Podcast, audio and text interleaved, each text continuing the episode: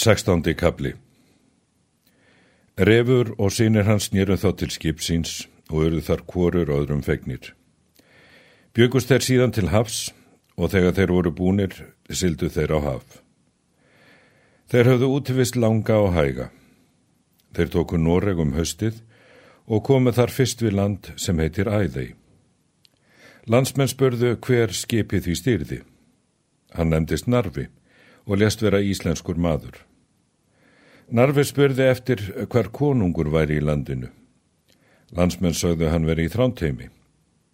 Æðei er halva tilt söður frá þrámteimi. Narfi sildi þaðan inn til meginlands, leggur þar skipi sínu í eitt leinuvóg, lætur þar eftir föruneyti sitt en leiði sér sexæringætt og leiðsögumann.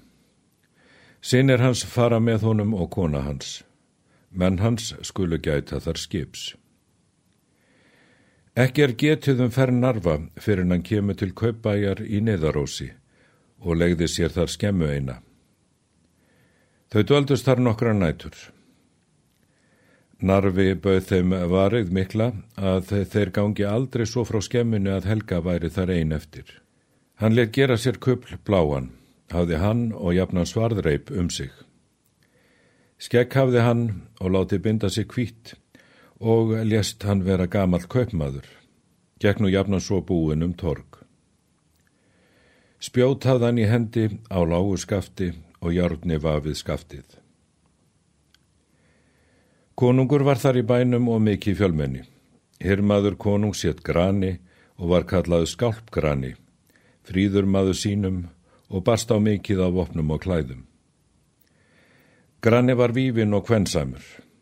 Gerði hann mörgum í því mikla skapraun. Varð honum það nú þólað er hann hafi konungs tröst. Svo bar til eitt dag að konungur hafði þing fjölment í bænum og var mönnum tilblásið almennilega.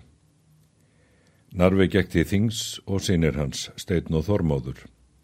Björn var eftir hjá móður sinni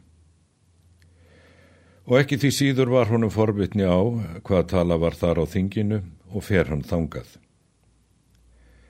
Narfi þekkir Björn og snýrað honum og spyr hvað eftir væri hjá Helgu. Hann segir að ekki var. Narfi snýr nú aftur til skemmunar. Littlu síðar en Björn var í brottu gengin kemur maður í skemmuna. Sá var í blámklæðum og let mikið yfir sér. Helga helsaði þeim manni og spyra nafni. Hann lest þetta grani og vera hirmaður Haralds konungs. Er ég því hér komin, segir hann, að ég vil mér konu kaupa. Hún bað hann ganga til þess í annan stað. Grani hvað það ósæmilegt að gamal maður ætti unga konu svo fríða og fagra. Hún hvers myndu vera fyrir honum sjálfráða. Grani hvers myndu ekki vera færavandur og tók til helgu.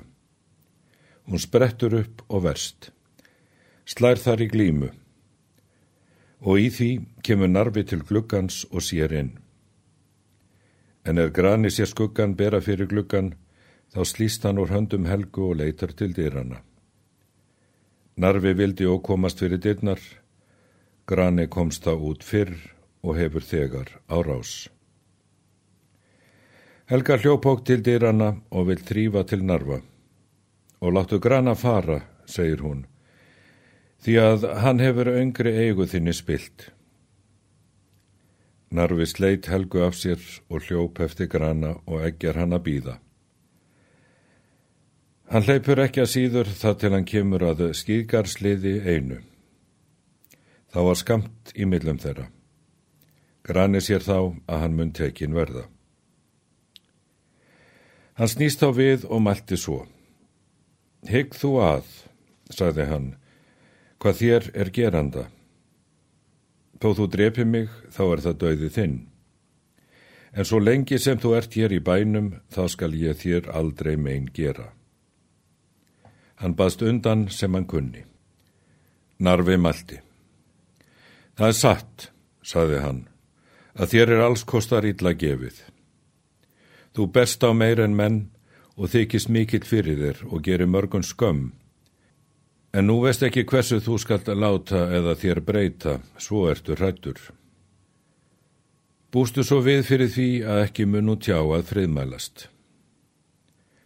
Narfi lagði þá til hans bjótinu, grani hafði öksi í hendi. Laust hann af sér lægið. Hann fór svo nokkrum sinnum.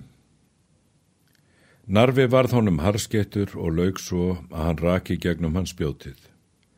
Hann dregur hann þá upp undir skýðgarðin meðan hann var í fjörubrótonum og hilur hræ hans þar. Narvar kemur nú í hug að ekki mun ráða myrða mannin og best munni fallið að segja konunginum sjálfum. Gengur Narvi nú fyrst heim til skemmunar og byður Helgu að taka föng þeirra og hafa til skips og svo leiðsögum hann þeirra.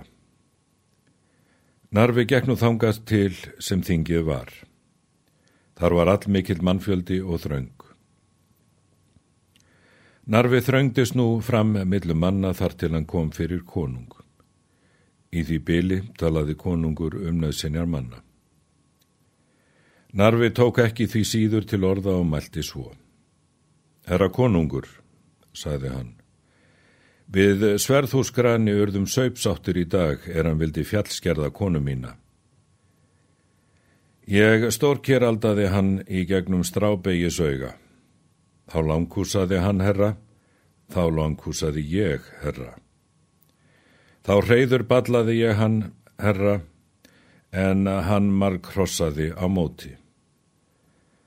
Þá fagur rakvaði ég hann herra, en hann skipskækjaði þá við.